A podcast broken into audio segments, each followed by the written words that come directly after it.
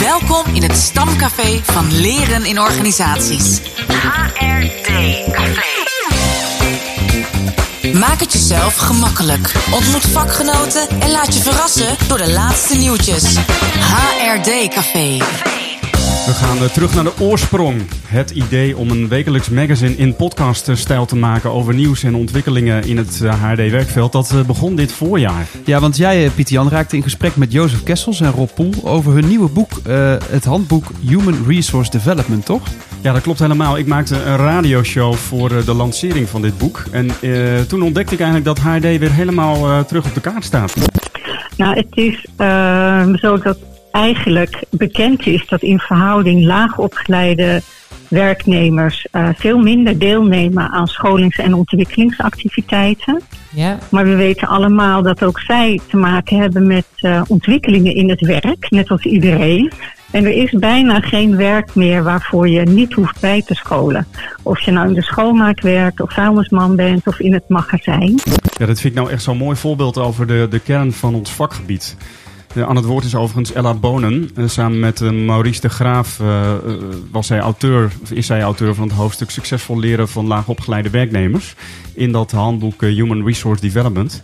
En ik denk van wij staan voor de ontwikkeling van alle professionals. Of het nou hoog of laag opgeleid is dat vind ik zelf ook zo leuk aan mijn vak als opleidingskundige. Dat je met uh, ja, heel veel uh, doelgroepen en soorten mensen kunt werken. En het zegt me ook heel veel over de toekomst. Want uh, er staan zoveel veranderingen op stapel in hoe we ons werk gaan inrichten en uitvoeren.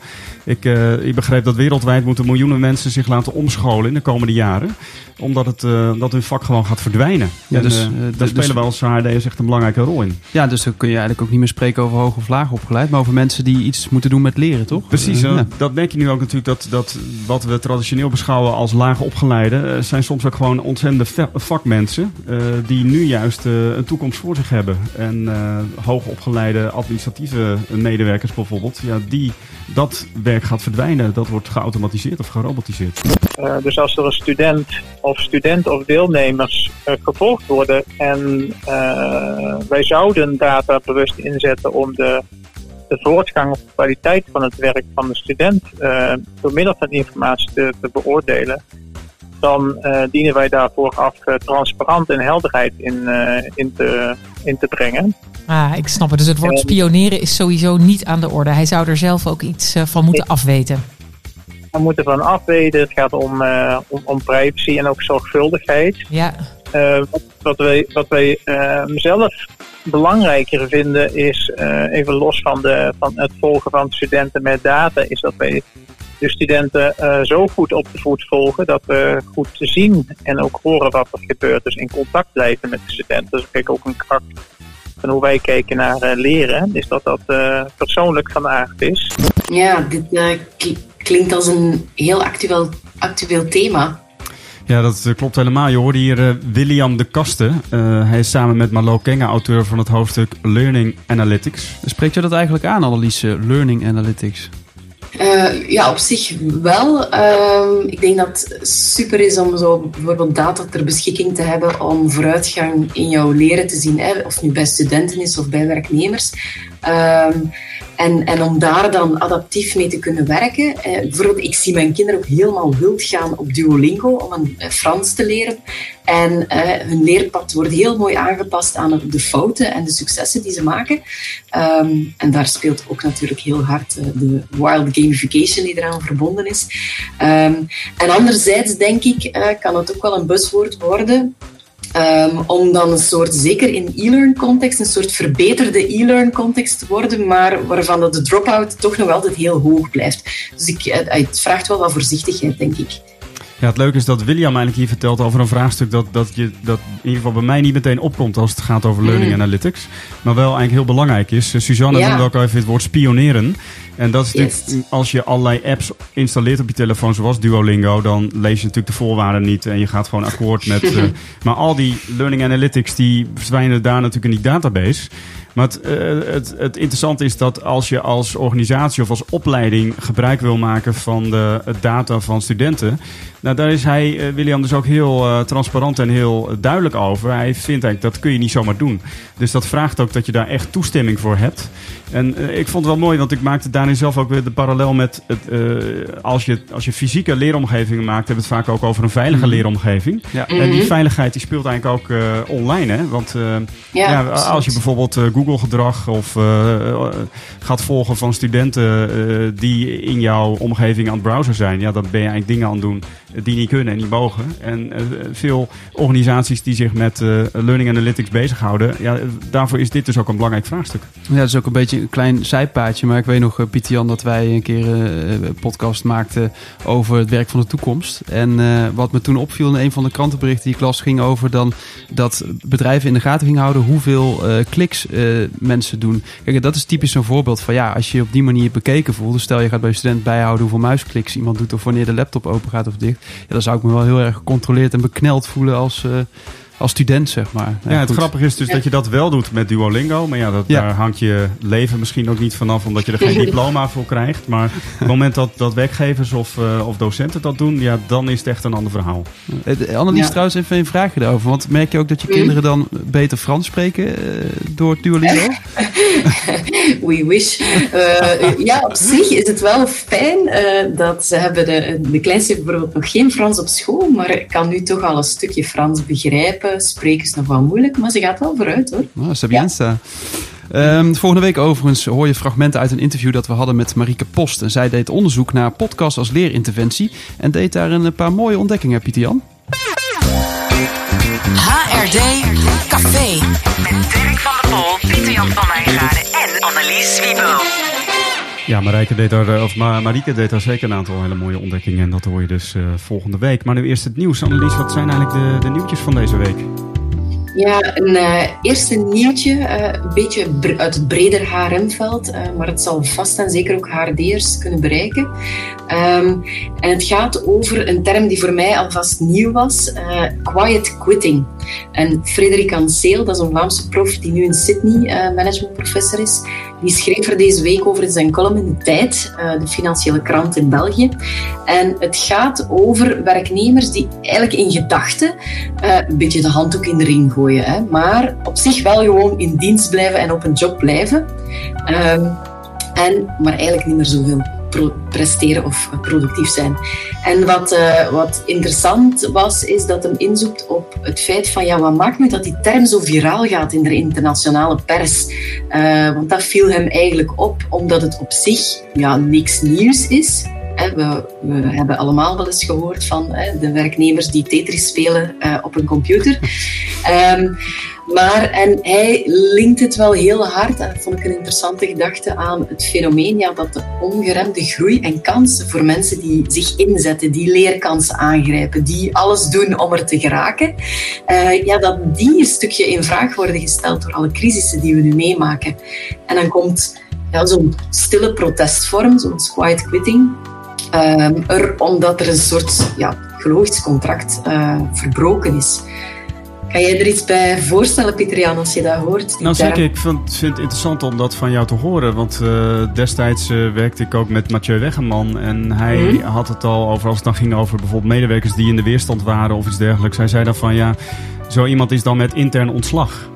En daar Ja, doet het ja, mij heel erg aan denken. Eh, ze heeft intern eigenlijk al ontslag genomen. En tegelijkertijd zei hij ook altijd van, ja, daar zit ook een bepaalde emotie of drive achter, die misschien juist ook wel heel waardevol kan zijn. Ik las deze zomer ook een, inter- een, een interessant onderzoek van Gallup, eh, wat hier misschien ook wel een beetje over gaat. Ze hebben onderzoek gedaan naar welbevinden op de werkplek en komen eigenlijk tot de conclusie dat dat in Europa niet zo heel best is gesteld. Hmm.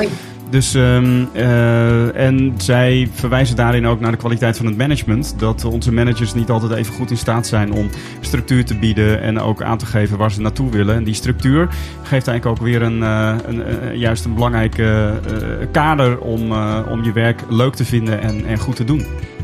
Mm.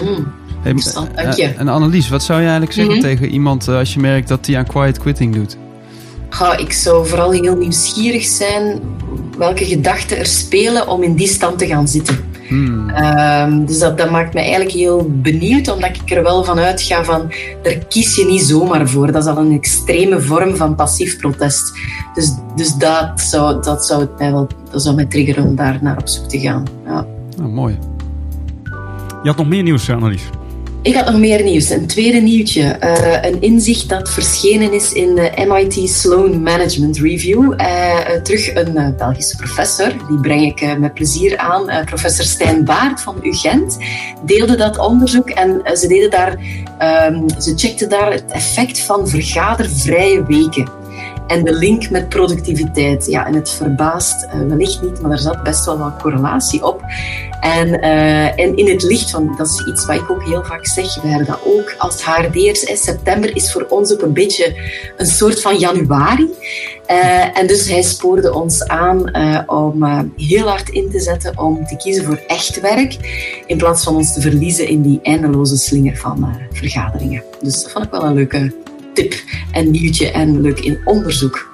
Interessant nieuws over kantoren en werkplekken deze week in het Financieel Dagblad eh, uit Nederland. Eh, columnist uh, Bartjens berekende dat een dagje werken op kantoor 15 euro kan besparen op de energierekening. En nou Dirk, dat is dan waarschijnlijk ook de reden dat jij vandaag bij mij werkt. Ja, klopt. Dat is zeker waar. Ja. Al heb ik zelf een handdoekje meegenomen, badslippertjes en... zeker van Zeeman of Pietrian. Ja, je bent welkom. Je bent welkom. Ja, het, het, interessante is dat zo'n beetje in dezelfde krant het bericht verscheen dat veel grote werkgevers op dit moment veel aan het afstoten zijn. Uh, omdat ze kiezen voor het model van hybride werken. Bijvoorbeeld uh, twee dagen thuis en drie dagen op kantoor. En het FD dat deed onderzoeken, deed een rondgang bij 29 bedrijven. En bijna de helft uh, stoot kantoorruimte af. Dat blijkt toch de trend te zijn. In ieder geval in Nederland. En dat betekent ook iets voor ons als HRD'ers. Als we het leren naar de werkplek willen brengen. Hoe is dat eigenlijk in België, Annelies? Als het gaat over hybride werken. Is dat ook echt een trend? Ja, absoluut. Ik heb er geen exacte data over wat het effect is op kantoorruimte. Maar er zijn twee dingen die ik zie bewegen in België. Ik zie um, de beweging naar de werkplek als echte ontmoetingsplek. En wat heel fijn is ook om te zien. Ik werk soms met groeibedrijven en die zetten echt nog in op bouwen van een hele leuke kantoorruimte of verbouwen. Uh, dus dan wordt dat echt een soort talentmagneet ook, dat die kantoorruimte, ook om daar samen te leren en elkaar te ontmoeten. En anderzijds natuurlijk ook uiteraard de trend dat kantoorruimte gereduceerd wordt. In Brussel is er nu al een toren die omgebouwd wordt tot woonunit. Dus die beweging is ook helemaal ingezet in België, eh, sowieso. We sluiten af met een uh, verdrietig bericht. Namelijk dat we vorige week afscheid moesten nemen van Cora Smit. Ze is niet alleen de oprichter van Kessels Smit, eh, de Learning Company en de Stichting Opleidingskunde FCE, maar ze was ook vooral een uh, inspirerende vakvrouw. Die met haar nieuwsgierigheid en moed om te experimenteren ons vak enorm heeft uh, verrijkt. Pieter Jan, je hebt met Cora gewerkt ook. Um, ja, wat, wat was zij voor iemand? Ja, een vakvrouw en iemand die, uh, wat mij betreft, uh, tenminste in mijn ervaring met haar, en misschien Annelies kun jij dat ook nog wel onder, onderschrijven of daar iets over zeggen, maar ook altijd echt het oog op de mens had en de mens achter de collega.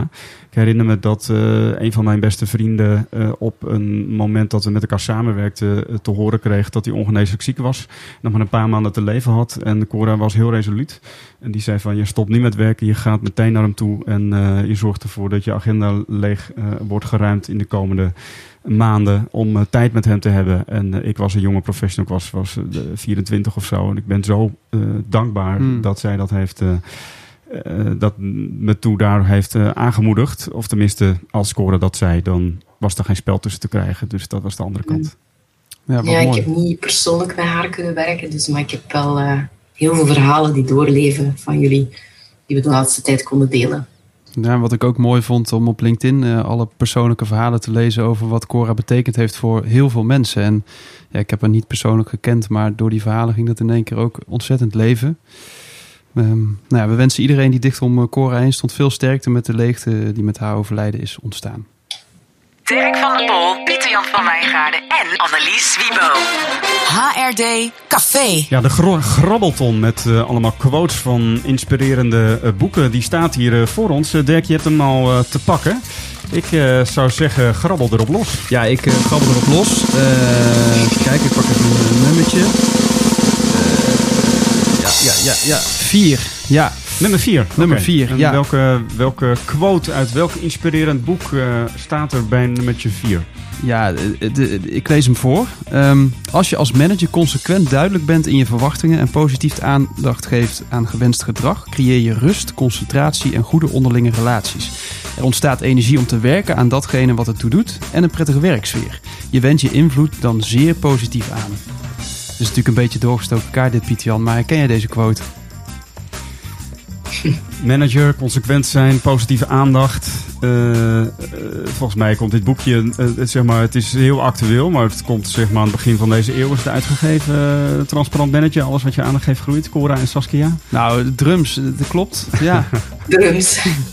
Dat is toch wel boeiend, hè? Ik bedoel, we, we, weten niet anders meer met de waarderende benadering en dergelijke. En Cora was er eigenlijk al heel vroeg bij, ook met haar interesse voor Martin Seligman en de positieve psychologie. En uh, zo bijzonder hoe ze dat ook kort en krachtig heeft opgeschreven in, in alles wat je aandacht heeft groeit. Nou, en ook in wat je net vertelt. Dus het komt ook wel tot uiting hoe, uh, hoe Cora dat bij jou deed. Gewoon heel duidelijk uitspreken wat ze van jou verwacht op dat moment met dat nieuws en zo. Dus, uh, ik, ik bedenk me, dat is misschien ook wel precies wat, wat Gallup uh, bedoelt in dat onderzoek. Hè? Dat uh, managers die duidelijk zijn, kaders aangeven, positieve aandacht geven.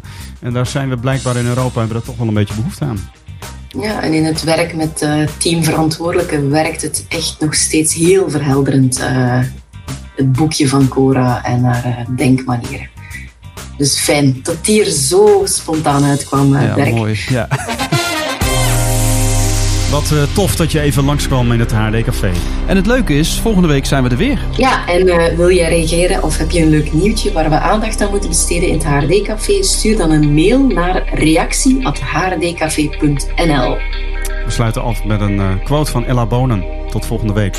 En iets anders is denk ik een misverstand is dat mensen lager opgeleid zijn, dat ze misschien dom zijn. En dat is ook helemaal niet waar. Ze hebben gewoon een kortere schoolloopbaan gehad. Dus ze hebben minder schoolse leerervaring. Deze podcast, Deze podcast werd geproduceerd door Kessels en Smit Kessels en Smit. Broadcasting.